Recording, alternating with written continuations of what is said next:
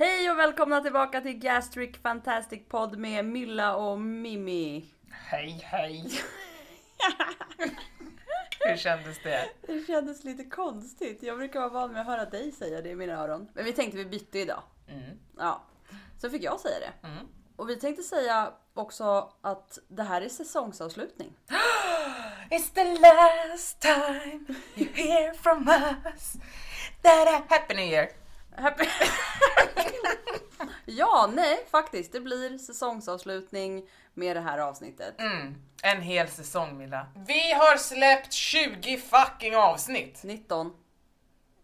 Va? Ja. Blir det inte 20? Nej. Ja men vad fan Milla! ja. Jag bara skojar. Alltså vill folk ens ha en säsong två? Eller hur? Vill ni det? Att det har varit fantastiskt kul att få podda med dig Detsamma. eh, den här säsongen. Jag tycker att det har varit en skitkul säsong att, att spela in. Ehm, och jag har haft skitkul med dig. Jag har lärt mig mycket om dig också. Vad har du lärt dig? Nej, Kör! Hjälp. Go! Jag har lärt mig att du har ganska kort stubin. Hur menar du kortstubin? För det är så många som säger att jag har kortstubin men jag tycker att jag har jättemycket tålamod. Alltså grejen är att du har tålamod, men jag vet också att du kan brinna av väldigt lätt när du tycker att någonting verkligen inte känns okej för dig. Eh, eller att det är ett ämne som du brinner för lite extra, då kan du brinna av ganska fort. Vi har ju lärt oss mer om varandra. Att vi märker av vissa grejer och det tycker jag är skitkul. För att om man tänker efter så har vi faktiskt inte känt varandra IRL i ens ett år. Nej det är sant. Ja. Fast jag tror, alltså, men när jag tänker med, med dig, det är ju så här att du försöker låtsas som att du mår bra. Men man ser ju på dig att du kan ju inte ha ögonkontakt när du inte mår bra. Nej. Till exempel. Ja men titta, det är sånt man lär sig. Jag visste inte ens om att jag betedde mig så. Nu tar vi en paus. Ha det bra, hej. Men vi ska gå ut och dansa i alla fall. Eh, fira att eh, vi har haft en bra podd. Ja, det är klart att vi ska fira Så det. då ska vi ut och hula baloola på dansgolvet. Hula, Titta under solen. Ja, nej men så att det här avsnittet vill vi liksom tillägna er alla. Från oss alla. Till er alla. En riktigt god jul. Ser du stjärnan i det blå? Men ska vi lämna över det här nu? Ja, grejen är ju så här att eh, vi ska lämna över... Vi har ju träffat Hobbs. Japp, Och Hobbs eh, och Jenny japp. har vi träffat. En Ja. fantastisk kvinna. Och en fantastisk organisation. Ja men verkligen. Ja. Eh, så att eh, vi samtalade med henne. Vi fick så mycket nyttig information. Ja. Och eh, m- mycket kan jag känna så här. eh, Jag hade ju önskat att jag visste om Hobbs. Mm. Att det fanns broschyrer på den vårdcentralen jag var Ja. på. Att man fick reda på Hobbs Ja. när jag, innan jag gjorde min operation. Håller med. För jag hade ju inte känt mig så ensam tror jag. Om jag hade vetat att det fanns. Nej, nej men jag tror inte det. Och det är därför också vi känner nu att nu delar vi till alla er. Så att vi lämnar över till avsnittet som jag och Milla hade eh, i ett möte med Jenny från Hobbs. Jajamensan.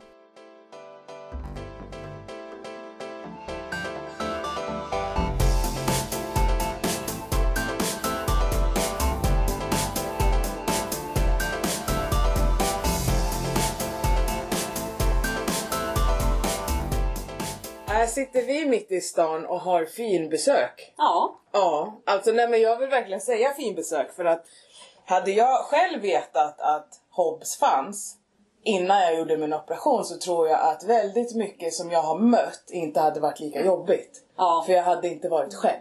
Precis. Eh, så att jag vill bara säga välkommen Jenny Tack. till Gastric Fantastic Pod. Tack. Eh, och du är från Hobbs. Ja. Berätta lite mera. Vad, vad är Hobbs? 1995 vet jag att ni... Ja men då har du läst på. Ja men jag, jag hör ju det! Men jag tänker liksom ändå att du ska få Ja, köra. men självklart. Ja. Eh, Och lite vem du är och vad Ja. du gör på Hobbs och så. Mm. Eh, jag har jobbat på Hobbs i snart tio år. Det är lite så, ska man då säga att man har varit i en organisation i tio år på generalsekreterarpositionen. Men eh, vi började för tio år sedan och fick ett uppdrag att, då hette organisationen Överviktigas riksförbund. Och så ville man titta mer på att etablera det som en eh, sjukdom mer och mer. Och eh, då blev jag headhuntad och fick frågan om jag ville eh, kliva in eh, och göra en ny riktning så att det blev mer en modernare patientorganisation.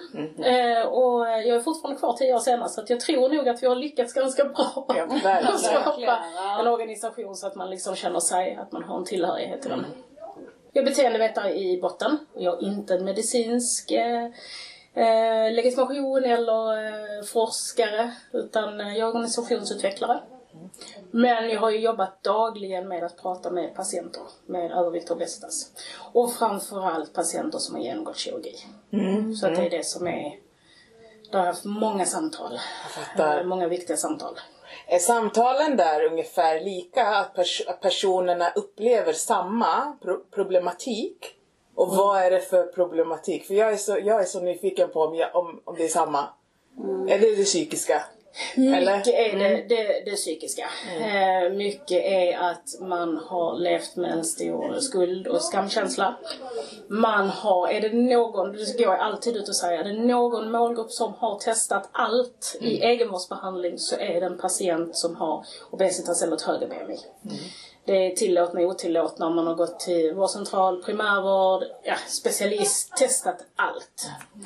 Eh, Så att, men det är i princip detsamma, misslyckandekänslan när man står inför kirurgi. Och det är mycket det som vår stödverksamhet jobbar med att det här är en komplex kronisk sjukdom så det är inte ett misslyckande.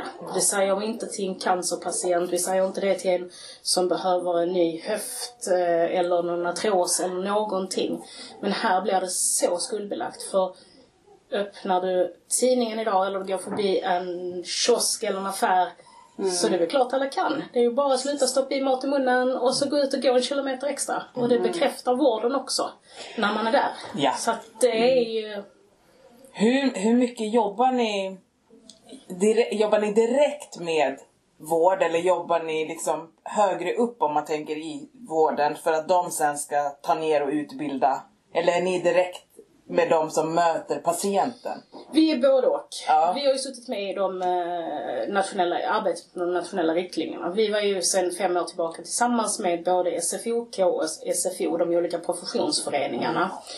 Eh, var vi med och tryckte på att vi behöver nationella riktlinjer som visar på den bästa evidensbaserade behandlingen. Vi ska inte mötas av har du testat det, har du testat det, utan vad ger, vad säger evidensen, vad är den bästa behandlingen för patienter med obesitas?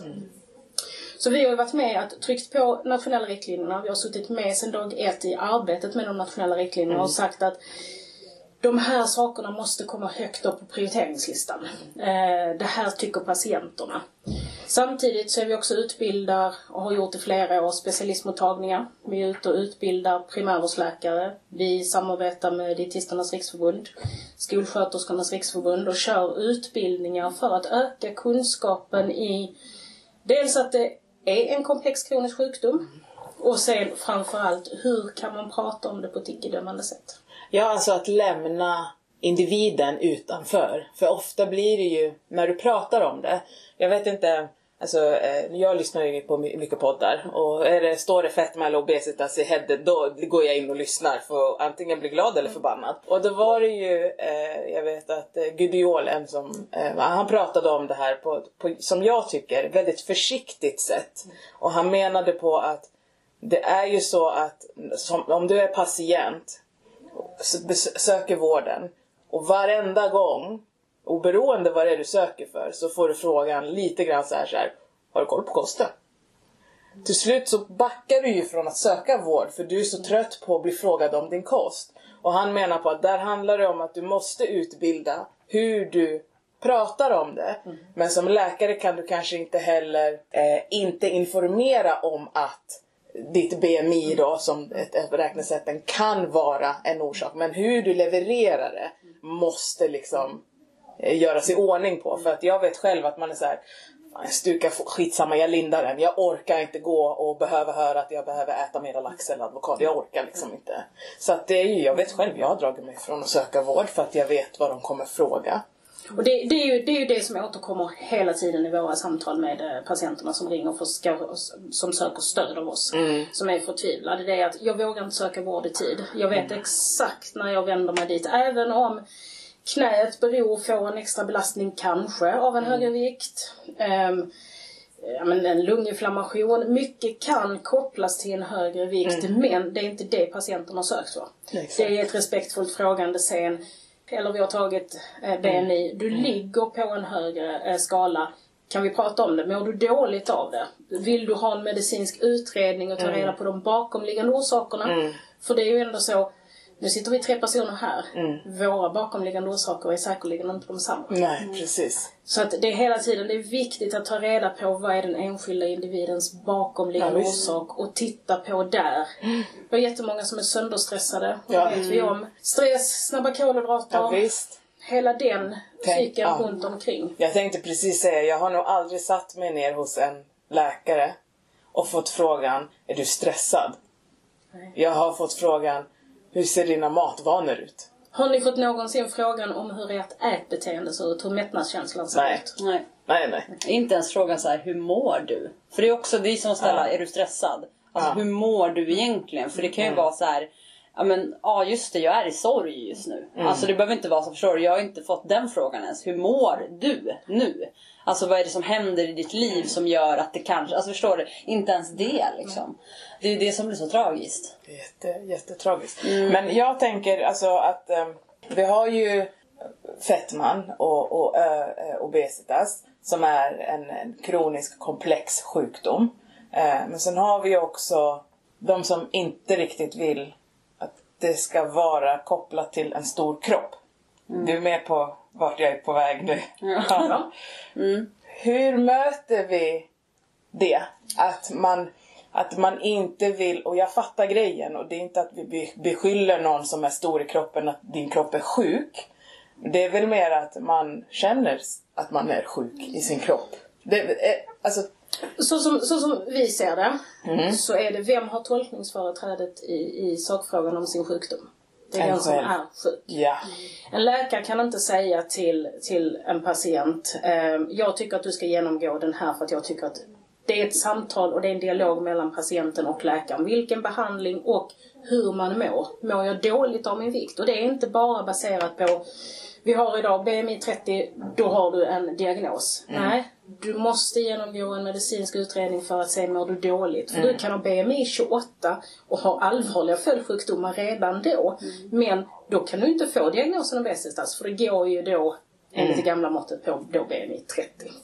Så det handlar återigen, vem har tolkningsföreträde, vem säger som, vem är frisk och sjuk? Det är bara jag som kan avgöra om jag mår dåligt av mitt BMI eller inte.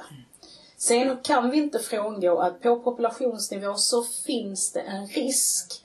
Precis som det finns en risk om du röker eller har för hög alkoholkonsumtion. Det vet vi enligt forskning. Men du kan inte sätta en diagnos om du inte har gjort en utredning, om du inte har pratat med patienten. Så på populationsnivå kan man säga att det finns en risk och eh, högt, alltså fetma, hög BMI kan leda till. Men du kan inte i den tolkningen plocka ut individen. Nej. Och säga, nej precis. Och det kan du inte göra med rökning heller. Du kan Nej, inte nej. säga till du, om, om, om du nu röker så kan du inte säga att, eh, nej men eh, du, du har, du har lungcancer. Mm. Nej. Det, och du kommer få lungcancer. Nej, det är inte säkert. Du är kanske de få procenten som inte kommer få. Men vi, men vi kan inte frångå att det finns en risk. Ja, precis. Ja för det är ju ganska, alltså just om man ska ta rökning som ett exempel. Det finns ju de som röker från är 12 år tills de är 85. Jag har en släkting och han, han fick varken KOL eller cancer eller någonting. Och jag menar, och det är ju samma där. Alltså det är ju individ, alltså Kan. individuellt. Ja det kan vara individuellt. Öka liksom. risken. Ja det är det. Så det är ju... Sen så ser man också, det är därför, det, det är därför jag tycker om detta nu eh, med alla våra sådana medicinska register, kirurgiska register, barnregister. För att just se vad kan vi identifiera, när bör vi sätta in tidiga insatser? Visar det sig att, som det nu enligt forskning visar, att har du en, ett högre BMI när du är yngre så tenderar ju det också att ge allvarligare följdsjukdomar i, när du är äldre. Så det är därför också det är viktigt att sätta in rätt insatser tidigt. Mm. Jag tror att det var någon som pratade om, eh, nu kanske jag Men det var någon som pratade lite grann om just det här med kidsen och att det är svårt att se på barn om beroende på hur man ska liksom behandla eh, eftersom att de växer och de har en annan typ av metabolism än vuxna. Så att det går, det går inte alltid att säga att så här, "Ja, men för att du är rundare när du är sex år så kommer det att... Eller har det kommit ny forskning där? Nej, alltså det, det visar ju på 80% av alla barn som har övervikt eller obesitas i barndomen tar den med sig in i vuxen ålder. Okej. Så att det finns, men det är också forskning på populationsnivå. Ja. Så du behöver inte säga att just 10-åriga Kalle är den. Nej. Men där får man också se på alla, alltså runt omkring. Eh, vi har genetiken, vi har vilken miljö du växer upp i. Vi- Förutsättningarna, vilka förutsättningar har dina vårdnadshavare? Eh, var bor du? Vil, vilken skola, eh, vad satsar man i din kommun? Det är så många olika runt omkring saker som påverkar. Och det som vi får alarmerande just nu, det är ju det, alltså inflationen som påverkar eh, livsmedelspriserna. Ja, det är många vårdnadshavare som kämpar och ser att barnet har en tendens till att öka i vikt. Vårdnadshavarna kanske själv har övervikt eller obesitas. Men de har inte råd att köpa bra mat. Ja men det är det som är så konstigt också att vi pratar om alltså lite grann uh, obesitas, uh, lite grann som vi skriker om att hela världen brinner nu med klimat. uh, Men det som är billigt är inte det som gynnar våra kroppar. Alltså jag tänker nu på liksom bara alltså på med näringsnivå. Det är inte det som gynnar kropparna. Sen är det skitsamma om du har mer fettceller än någon annan. Oberoende så är det inte jättebra att behöva äta den billigare processerade maten. Men det är det som man har alltså, Jag tycker också det är svindyrt. Med, alltså, och, och jag har inte kids att behöva mata. Nej. Det, det, jag vet inte hur, hur, hur tänker de? Det undrar vi också. Och det är också en fråga som vi driver som organisation på nationell nivå. Hur ser momssatsen ut? Ska det vara samma moms som det är idag då på frukt och grönt och på eh, snabba eh, kolhydrater? Eh, alltså inte bra livsmedel. Eh, kan man göra någon justering? Vad säger, vi om, vad säger man om sockerskatten? Vad visar forskningen kring det? Vi måste, nu kom det ju en rapport i, för någon vecka sedan om reklam i barns nätverk, ja. Om du går från Det är lite skolan. TikTok ja, och sån här grejer, ja. Mm. Vad, som, vad som finns och vad som affärerna visar för reklam, alltså utanför. Mm. Exponering. Och det var det över 70% som, det var barnen själv som fick identifiera. Mm. Så över 70% hade ohälsosamma livsmedel i sin närhet när de gick från hemmet till skolan till exempel. Mm. Och det var ju som, rapporten heter In your face och det var ju en av barnen som de intervjuade som sa, jag får detta in your face varje dag. Och matas du med det budskapet, Såklart. tar tre, betalar för två, så är det ju någonting som du, du ser som någonting som blir normalt. Ja, och det är så, det är så lätt för typ så här, mm, bara så här snacks kan ju vara så här, ta tre, betala för två, såna chokladbitar och då blir det så här, "Åh, det ser ju billigt ut, det tar vi. Ja men man tänker att man tjänar på det. Ja, och sen kan man ju inte, det är ju, det är ju godare än tre äpplen. Gud Alltså, ja! ja, Alltså men, eh, ja, ja, ja. Alltså, ja du vet, det finns ju de här som är nej jag väljer inte chokladbiten, jag tar mina apelsiner. Nej det gör du inte. Nej, Nej. exakt. Sluta! vi vet alla att vi sitter där och äter dem. Vi köper chokladen med apelsinbitar i. Ja, Men, ja. den är god. Just det här med barnbiten också, för jag tror att eh, Mimmi har ju pratat om det också, det här med eh, hur vården bemöter föräldrar och då barn som har övervikt. Att de inte, alltså så, som du hade blivit utslängd av din mamma för att hon, du skulle inte höra det här. Att läkarna liksom inte har något filter, att de kan prata väldigt, eh, alltså otrevligt om man säger. Nedlåtande. Ja, nedlåtande, tack. Det var det. Mo- Fast barnet är i samma rum. För det blir ju någonstans att där... För jag, jag kan bli lite så här. För det första så har vi alla barnfilmer eh, som visar att prinsessan är smal och den onda är, är tjock.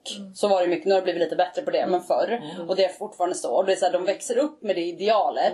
Plus då att komma till läkaren och få höra när mamma sitter och, eller pappa sitter och pratar med läkaren så pratar de om mig nu Över mitt huvud. över mitt huvud. Alltså du vet, hur, hur, hur hanterar ni, alltså sånt? Ehm, där, vi, vi skiljer, det är ju också när man pratar om att ja, men läkarna så tar man läkarna över alla. Ja.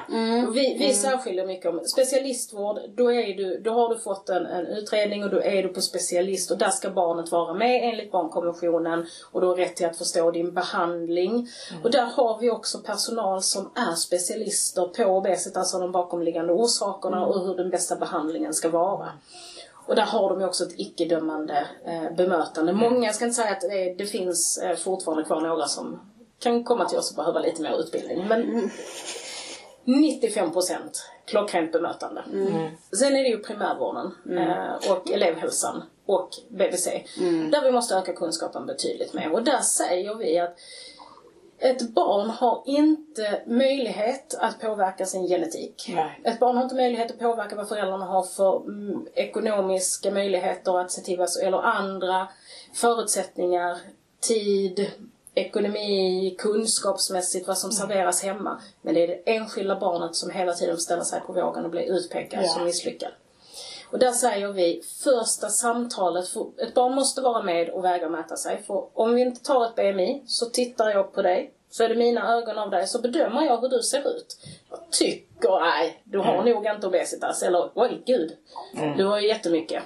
Eh, så därför tycker vi att BMI som ett första screenande verktyg, både för om du har en ohälsosam viktutveckling neråt på skalan, eller uppåt. Därefter så ska det samtalet ske mellan två vuxna Ja. Vårdnadshavaren och eh, professionen, alltså läkaren.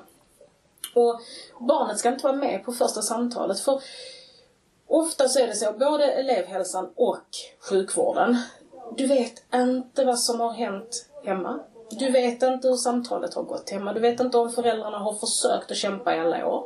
Men gud, Så är jag är det- ledsen. Milla. Oj. Det var en sån dag idag. Men så är det ibland. Och man känner igen så mycket liksom. Åh, ursäkta. Nej, du behöver inte ursäkta Absolut dig. inte. Men det är, och det, det är ju därför som vi då kämpar stenhårt på att barnet i frågan ska inte vara med på det första samtalet. Och att när du då är tillräckligt stor eller gammal som barn, att då få frågan vill du vara med. Det är ju inte bara barnen som bekräftar det här att de har fått höra detta i tidig ålder och känt sig utpekade. Det är ju faktiskt även vårdnadshavarna som sitter du som, nu är jag själv mamma, jag kan ta det ett exempel. Om jag sitter med, min, med mitt barn bredvid mig och jag ska diskutera mitt barn. Ska jag då säga att Nej men vi har de här konflikterna. Jag vet inte hur jag ska klara av mitt barns olika utmaningar eller någonting annat. Jag vill ju kunna vara vuxen och ta det vuxna samtalet med professionen.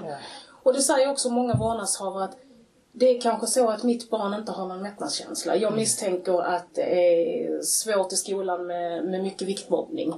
Jag får inte då sova på natten. Jag har själv jättestora utmaningar med jobb, med skilsmässa, vad som. Det ska inte barnet höra. Nej.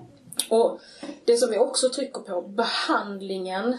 Det är inte barnet som äger behandlingen. Det är inte barnet som ska göra de här valen i affären när du är alltså under 15 år. Du har inte ekonomin till det.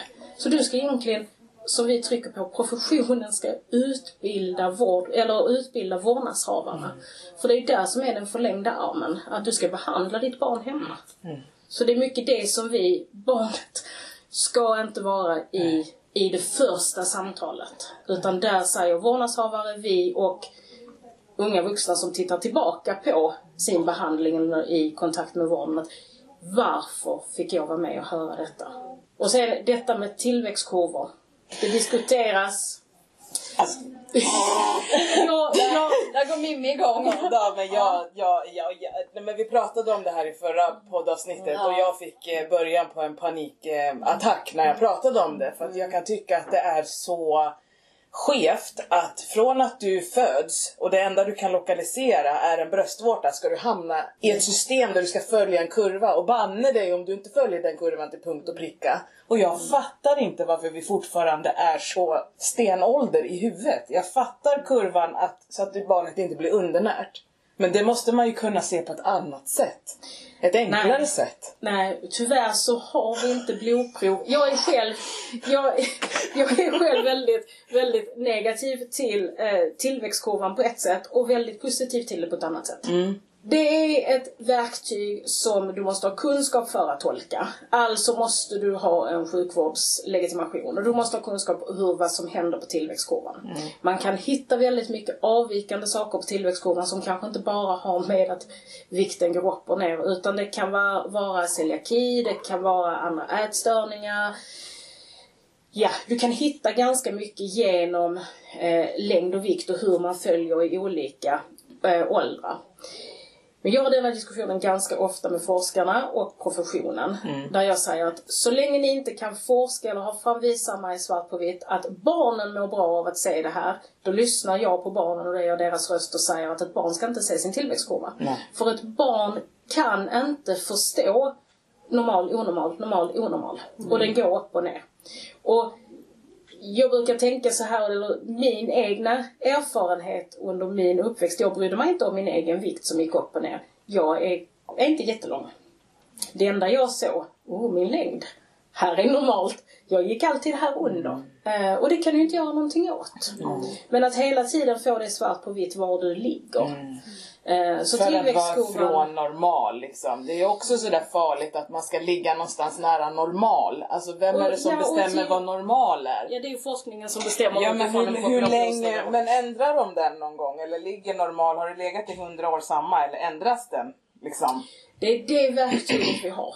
Eh, och det är det är ett verktyg som ska användas inom sjukvården för att identifiera. Eh, inte sätta en diagnos utan identifiera att eh, du, du skiljer dig åt. Eh, och att det kan ligga någonting som vi måste titta på. Jag bara tänker att det är väl lite så här typ för 60 år sedan så var medellängden på män inte samma som den är idag. Alltså jag tänker, men följer den med då? Det förutsätter jag att Ja. den justeras. Ja. Och sen är det ju så, mm, när man pratar BMI så är ju BMI för vuxna och barn inte detsamma. Eh, Vi har ju ISO BMI på barn som då på vuxen så tittar du inte ens på man och kvinna utan du kör vikt och längd rakt över oavsett kön och ålder. Men på barn så tar du kön, skiljer du det åt och även ålder. Så att om du har en 10-åring som har ISO-BMI, eh, det är därför det heter ISO-BMI, ISO-BMI 32 som då är eh, eh, risk för det eller du kan ha diagnosen obesitas. Sen så väntar du ett halvår senare så kan det vara nere på 30 för att barnet har blivit ett halvår äldre och har växt. Så att många blandar ju ihop och tror att det är, men det är två olika sätt att mäta på. Jag visste Man tar inte ens att hänsyn. det fanns. Nej. Och det är också det att vi måste på ett respektfullt sätt ta ett, eh, ett BMI för att veta, för att vi inte ska titta på och vi inte ska ha de kommentarerna eh, hur du ser ut. Eh, för det är, du kan inte avgöra om en person är frisk eller sjuk eller risk Ja. för att bli sjuk genom att titta på personen. Mm. Eh, det gör vi inte med någon annan sjukdom. Nej.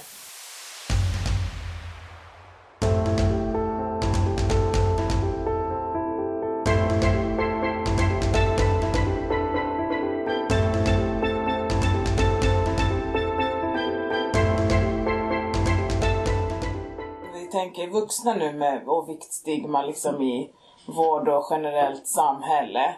Eh, och de som inte opereras. Eh, alltså jag tänker bara större människor. Liksom. Eh, hur... Och just det här med att man inte vill klassas som sjuk. Alltså är det, är det...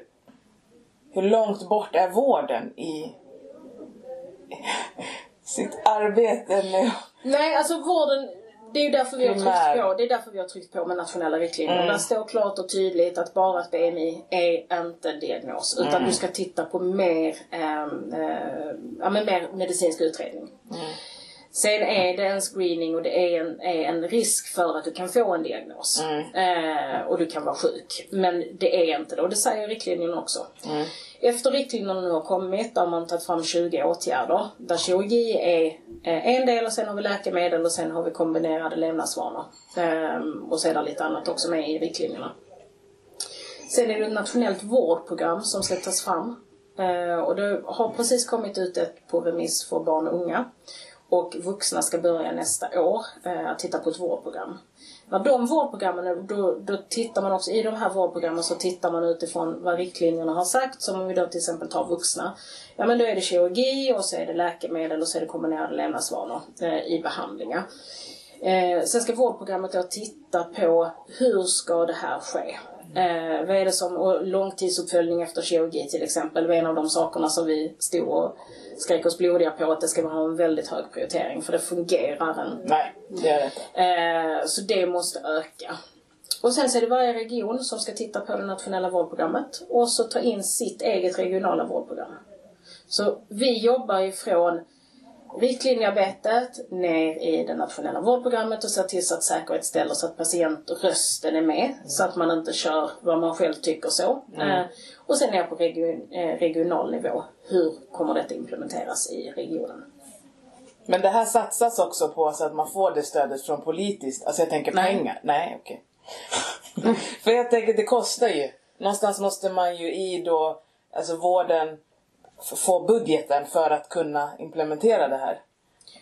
Får man det? Eh, nej, man får ju titta, varje region har ju sin sjukvårdsbudget. Mm. Och då får man ju titta på att prioritera. Ja. Eh, och då, eh, men det är därför det är så viktigt med de nationella riktlinjerna för detta slår ju verkligen svart på vitt. Tittar man till exempel nu på kirurgi, eh, som er podd eh, handlar om. ja. eh, 5000 opererade eh, året innan pandemin. Vad har vi? 450 000 i Sverige som har kriterier för att kunna eventuellt bli opererade. Och så är det 5000. Av de 5000 så är det 30% som finansierar det själv. Vi pratar om att det ska ökas upp till ungefär på fem års tid kanske 230 000 operationer. ja. Eller tio års tid var det kanske. Eh, så det är underdimensionerat. Och då måste ju det finansieras. Och då måste ju regionpolitikerna förstå hur allvarligt det här är för de som är sjuka. Hur viktigt det är med vård och behandling. Ehm, och där är det ju patientrösten som har en viktig del som trycker på tillsammans med professionen. Så det är därför vi måste bli fler röster Ja. eh, ja, i, ja. eh, som trycker på och som berättar hur det är att vara sjuk och hur det är att få möjlighet att vara frisk. Ja. Ja, ja. men det är lite grann, vi, alltså, vi startade väl den här podden, alltså det var, vi körde ju lite live så, så var det en som sa, men kan inte ni starta en podd, ni har alltid så mycket att säga. Ja. Tänkte jag, ja visst vi kan prata mer. Men, men eh, jag tänker också så här, eh, absolut fler eh, operationer. Och jag, jag vet många som har, som har haft liksom, kriterier att få det via landsting. Men väntetiden har varit så lång och när man väl har bestämt sig då vill man liksom inte vänta ett och ett halvt år. Eh, och då bekostar man det själv. Men sen så finns det ju de läkare och kirurger nu som kommer och kritiserar ganska mycket de här kirurgiska ingreppen. De menar på att det är bättre att vänta på medicinerna som är på väg. Och det jag har hört, och jag kan ju ha hört fel, men det är ju liksom leptinsprutor typ som är, håller- eller piller som de håller på med i USA som fungerar. Men det är ju inte liksom att du går ner 70% av din övervikt. Är det det? Jag läste någonstans att det var liksom, men, kanske 30? Ja, det är så pass. Eh, det finns ju tre godkända läkemedel idag. Eh, förlåt, det finns fyra godkända läkemedel. Det är, bara tre, det är bara ett som är subventionerat och det är Okej. Orlistat och det har ni säkert hört talas om. Eh, säkerligen också kanske testat. Många patienter testar det en gång och sen gör man inte det fler Nej. Nej. Och ska man ha det läkemedlet så ska det vara i nära behandling med en dietist. För du måste verkligen veta hur du ska äta. Ja, ja, nej, man skiter på sig. Ja. Ja. Ja, den funkar om du står, enligt, enligt studier så funkar det om du står på eh, menar, specialistbehandling med distriktdietist, alltså hela den i, i verkligen specialistvård. Eh, sen är det eh, tre stycken till. Det är i alla fall aptitreglerade läkemedel de andra tre. Ja. Mm. Ehm, det som kommer nu som heter Wegovy, eh, det har jätte, jättefin effekt. Mm. Då tar man sprutan en gång i veckan, så det är inte varje dag. Eh, utan en gång i veckan. Eh, sen kommer det nya läkemedel som är på väg att bli godkända som det som nu som pratas om, som jag inte riktigt kommer ihåg namnet på, men som precis nu i, för några veckor sedan så var det ju eh, Obesity Week i USA. Där pratade man om det extremt mycket och visade studier. Det likställs nästan med kirurgi. Ja, för det, det är nu, jag tycker att jag har börjat höra nu från Ja. på svenska kirurger att det börjar bli så här: nej vi ska inte operera, det är inte långsiktigt, det är inte bla bla, utan det här. Och så går man mer åt medicin. Att man hellre ska behandla med medicin och då tänker jag så här, ni- är ni trötta nu på att skära i folk? Eller är det bara att ni vill byta ut metoden så att det är lättare att dela ut? Alltså det är ju lätt... Men Om vi, om vi tittar på att vi är en unik individ. Mm. Kirurgi är ett allvarligt ingrepp som du måste behandla hela livet. Så det är inte bara som många tror i samhället. Att Vi det- går in ja. och gör en snabb på 60 minuter och sen så är du frisk och så är du, är du normalviktig hela livet. Mm. Du, men vi, det är enorma effekter. Kan det vara biverkningar, du måste Mm. gå på läkemedel eller vitamin och mineraler hela livet. Mm. Och alla biverkningar runt omkring. Ehm, Vissa kommer alltid behöva kirurgi. Eh, vissa räcker det kanske med att du stannar med läkemedel och du använder det under olika perioder i ditt liv. För att obesitas är en sjukdom som kommer i skov. Och jag vet inte hur länge ni har varit opererade. Eh, Två. Tre år. Och då vet man kanske efter ett tag att oj, nu är jag inne i en stressad period. Eller som kvinna, nu är jag inne en gång i veck- en, gång, en vecka i månaden. Och hur det kan trigga aptiten. Alltså kommer sjukdomen i sko för att oftast då är det liksom påverkat av hormonsättningen i kroppen, signalsystemet. Och då behöver man kanske ibland läkemedel lite oftare. Ibland är det kanske någon som behöver stå på det hela tiden. Ibland räcker det med att stå på det och så går ner i vikt och så håller du det. Det beror på vad du har för bakomliggande orsak till din viktökning. Eh, för vissa patienter så fungerar kombinerad levnadsvanebehandling. Du lär dig äta, du får igång en bra motion, en rörelse, du har, hittar en bra balans. För du har den bakomliggande orsaken till varför du har gått upp i vikt. Vissa har hormonförändringarna med GLP-1-hormonet där du har en rubbning med signalsystemet. Aldrig känna mättnadskänsla. Alltid hungrig. Ja men då kanske läkemedel funkar. Eller så är det så att för den patienten så är det så starka signaler så att läkemedel fungerar inte alls så måste vi kanske testa kirurgi. Så man kan inte säga Det är individ, individuellt Ja, ja. Mm. Men jag tycker att det är så intressant när, de, när det börjar komma nu att säga nej men kirurgin är inte... Vi fick ju, det var väl ett DM vi fick om det, det är inte lönt med kirurgi längre. Ja, det var några, några det är, li- ja, det är ingen, det är ingen långsiktighet liksom. Ehm, och jag kan tycka att det är lite sådär att bara...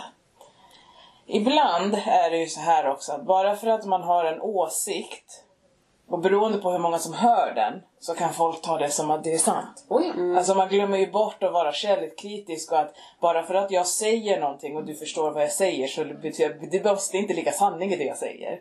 Så att jag kan tycka ibland att man behöver tänka lite innan man säger saker för det finns så många redan som håller med och tycker att så här, men det är en lätt väg, det är bara att äta mindre och röra på det mer, latmask. Och så får man någon som jobbar med kirurgin i det prof- att, och säga något sånt. Det stärker ju bara hela... Och jag vet inte hur mycket man ska behöva skrika för att... Nej men alltså det, ja, och det är ju lite det som är vår, Ja, vår, ja. vår roll och det är mycket det som är liksom, vi har vår stödverksamhet för att lyssna in vad alla patienterna säger och hjälpa till att förstärka deras röster. Eh, för många patienter vågar inte. Och vi har just nu en debatt i samhället och en debatt i media som inte är speciellt trevlig. Där man då ifrågasätter, eh, det är ingen sjukdom och så har man hoppat på patienter som har gått ut och sagt att jag har en sjukdom. Nej, du är inte sjuk. Det är både läkare och aktivister som kan göra sådana saker och hälso, profiler som kan göra sådana. Det blir debatt, man pratar om det, men jag tycker att det blir ett sånt tjafs av alltihopa. Och det är det som vi jobbar på. Vem är det som har tolkningsföreträde i den här frågan? Först och främst är det patienten som är sjuk. Ja.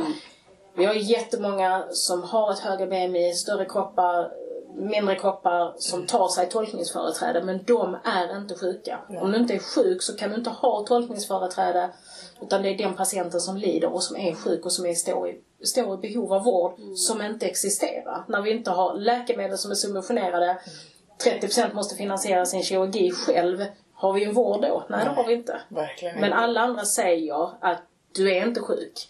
Men patienten som vaknar varje morgon, som kämpar mot sitt hunger och sug och som hela tiden behöver stå emot och kämpa och gå psykologiskt och jobba med detta hela dagen, 24-7, 7 dagar i veckan. Den är inte sjuk.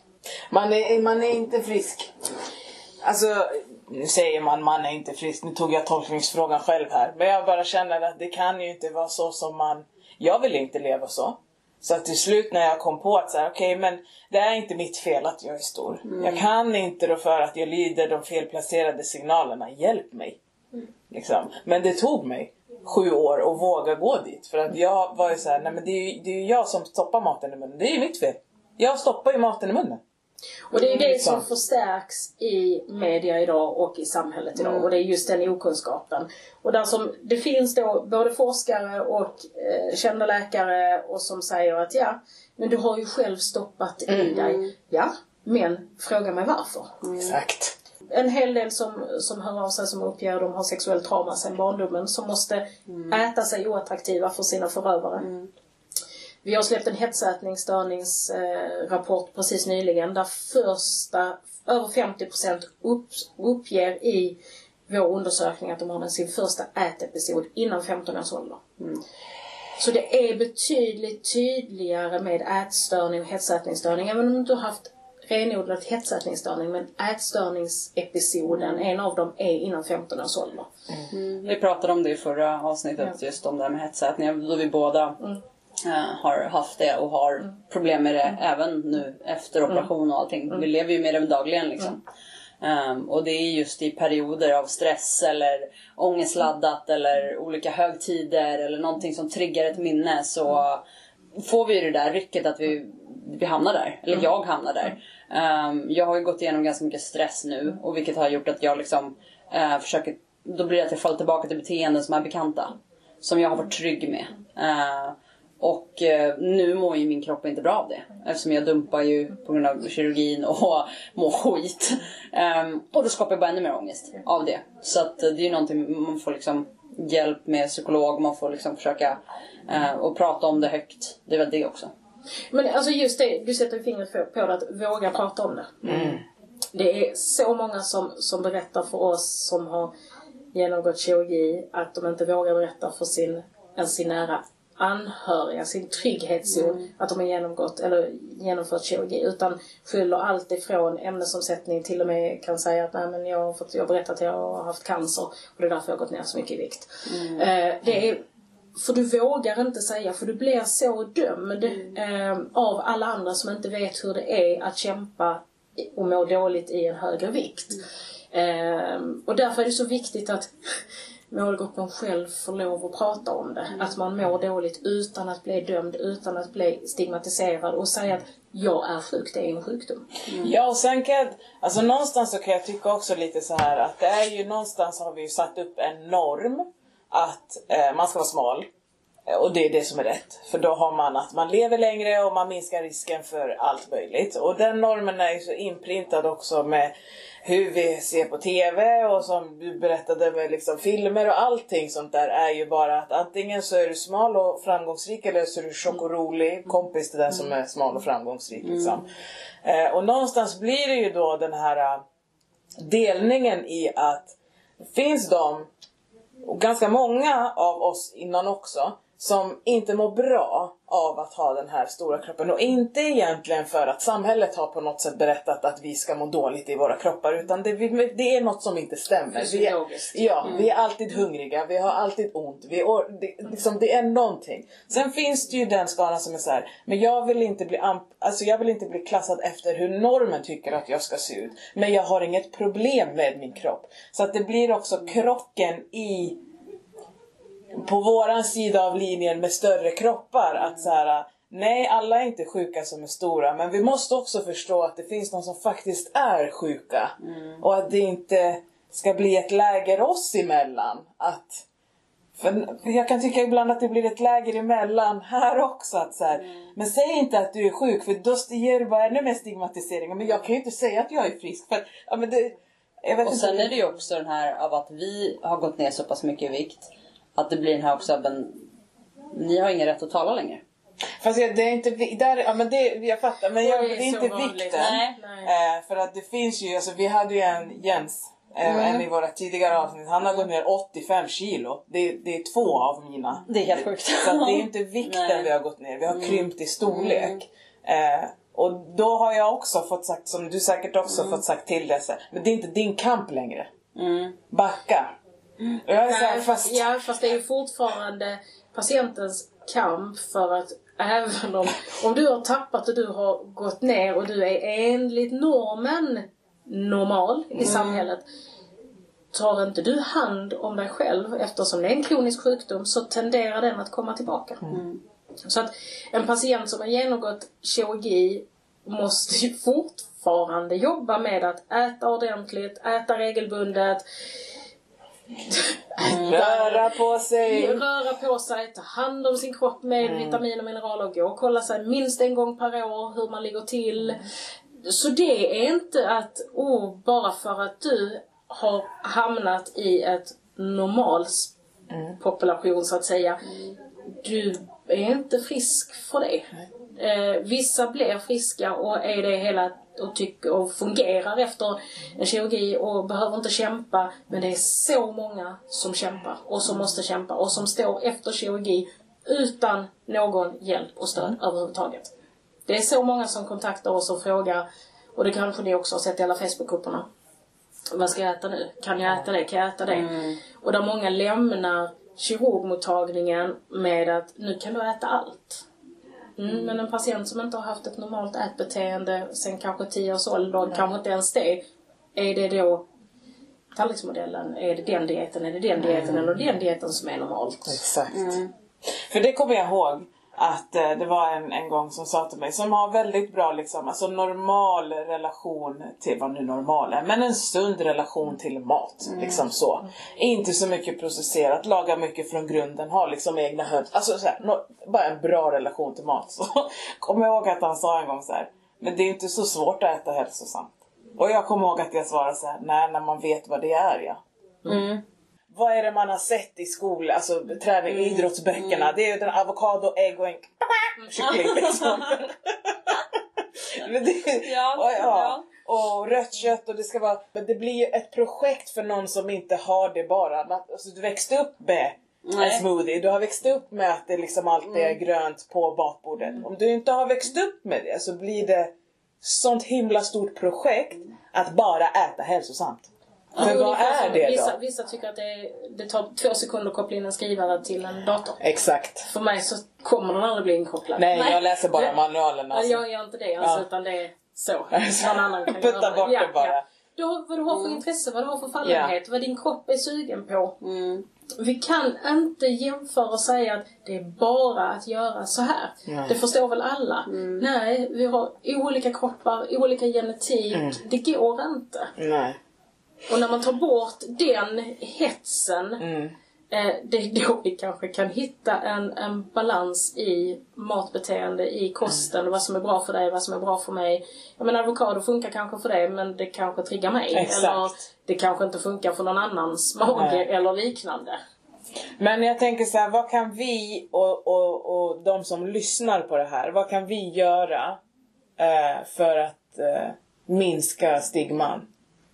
Eh, minska stigman det är ju att börja prata om det att eh, man har en sjukdom. Eh, om man är sjuk och känner sig sjuk.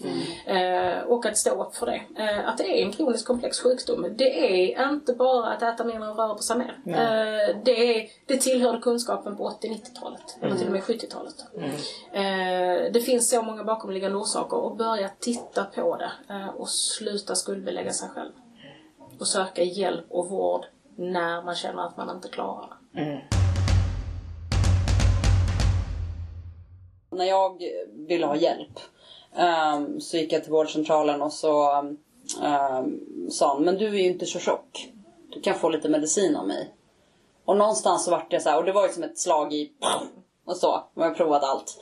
Och där hade jag lite mer kött på benen för då hade jag ju redan pratat med en klinik som sa vi tar emot det men vi behöver en remiss.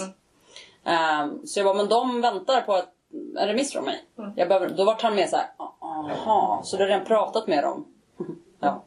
Alltså så här, någonstans och sen så stå, stå stadigt där och säga nej jag vill inte ha någon medicin, jag behöver hjälp, jag har provat allt. Alltså någonstans liksom stopp, det är bra Det är nu. svårt. Liksom. Jag vet men där, du vet, så här, när man väl kanske har bestämt sig och insett och så här, jag, jag är inte heller den som alltid säger ifrån men där fick jag någonstans så här, stå upp för min egen hälsa och bara nu är det bra med alla mediciner och allt annat och kostredovisningar och gudars vet vad. Tack och hej, de vill höra av mig och de har sagt det liksom. Och den, jag vet att den kliniken också när kirurgen tittar mig i ögonen och säger det är inte ditt fel. Alltså det var nog den första det var så här. Alltså, ex, alltså det var så här: wow, va, va, vadå? Vad menar du? Det har alltid varit mitt fel. Nej, det, det är inte ditt fel. Och vi kommer hjälpa dig nu. Det var så här, vad, vad, vad, det var en helt ny värld. Liksom. Från att liksom, det, det, då var det som när han sa det, då var det så här. Wow, okej. Jag är på rätt ställe, på rätt plats och nu... nu. Första gången man blev väl bemött i vården. Alltså du vet, ja. Och det var och det var verkligen ju så på här. specialistcenter. liksom. Ja. Då var, då var liksom, och just bara den lilla meningen liksom. Det är inte ditt det är inte fel. ditt fel. Ja. Tänk om, tänk om alla läkare och vårdpersonal har den kunskapen Ja. och vet om att det är inte ditt fel. Men är det att de inte har kunskapen eller är det att de är så... Du vet. Var får vi information om? Var hämtar vi information idag? Det är media. Ja men jag tänker också om man ska... 80-90% i media stigmatiserar och ger ut felaktig information om ett högre BMI. Ja men jag tänker också på så här äh, kiropraktorer. Du lär dig att du kan knäcka loss ett problem i skolan. Men om du inte fortsätter att läsa så kommer du ju tro att det på riktigt är att du knäcker loss ett problem. Men fortsätter du läsa så märker du att så här, nej det är bara gasbubblor och de är tillbaka om 20 minuter. Då kan du knäcka igen. Är det samma sak med... Alltså, Om man tittar på, om vi tittar på läkarprogrammet, hur mycket information och hur mycket... Eh, medicin eller? Alltså du, du får, det du pratar om övervikt och obesitas på läkarprogrammet, det är extremt få veckor. Och då är det antingen så är det då kirurgi med operationsmetoderna eller så är det då diabetes och diabetesmedicin som då är kopplat. Ingenting Inget om, annat. ingenting om stigmatisering, ingenting om de bakomliggande orsakerna. Det är likadant på eh, sjuksköterskeprogrammet och på dietistprogrammet. Så det finns alldeles för lite kunskap. Det är därför i riktlinjerna kunskapsökningen har en prioritering 2 av det finns mellan 1 till 10. Så det säger också ganska mycket om hur, vilka insatser vi måste få till. För kunskapen behöver öka. Hobbs finns ju. Ja. Herregud ja. Och har funnits sedan 1995. Men, men framförallt så är det, vi behöver ju fler röster för de som är opererade. Ja. Eh, att stå upp. Vi, det är ju, vi är förespråkare, vi som jobbar är ju förespråkare för patienter men vi behöver patienter som också står och är förespråkare för sig själva och alla Tänk- andra. Tänker ni då att vi, vi till exempel, att vi är opererade och är med? Ja, oh ja. Alltså det är en självklarhet för oss. Jag är med. Men tack snälla Tack själv. Hobbs Ja. och Jenny för att du tog dig tiden Och för att ni kom prata hit. med oss. Ja. Ja. det här kommer ju bli ingen klippning. Jag slänger ut avsnittet så här bara. Ja. Klockrent! Nej, jag har sagt stopp några Ja. gånger. Jag måste gå igenom det. Men, nej men sjukt med liksom, men ändå så här hyfsat kort varsel och du vet att du... Men självklart, vi finns ju till för Ja. er. Ja. Eh, och vi måste göra detta tillsammans. Sen är Mm, jag precis. tjänsteman, men sen har vi ju massa ideella. Hela vår förbundsstyrelse är ju ideell tillsatt och både med patienter. Men eh, med det sagt Så tack för idag och trevlig helg! Trevlig helg. Trevlig helg. Fast de hör ju det här på onsdag så det blir ju trevlig vecka då. Ja. Men trevlig helg.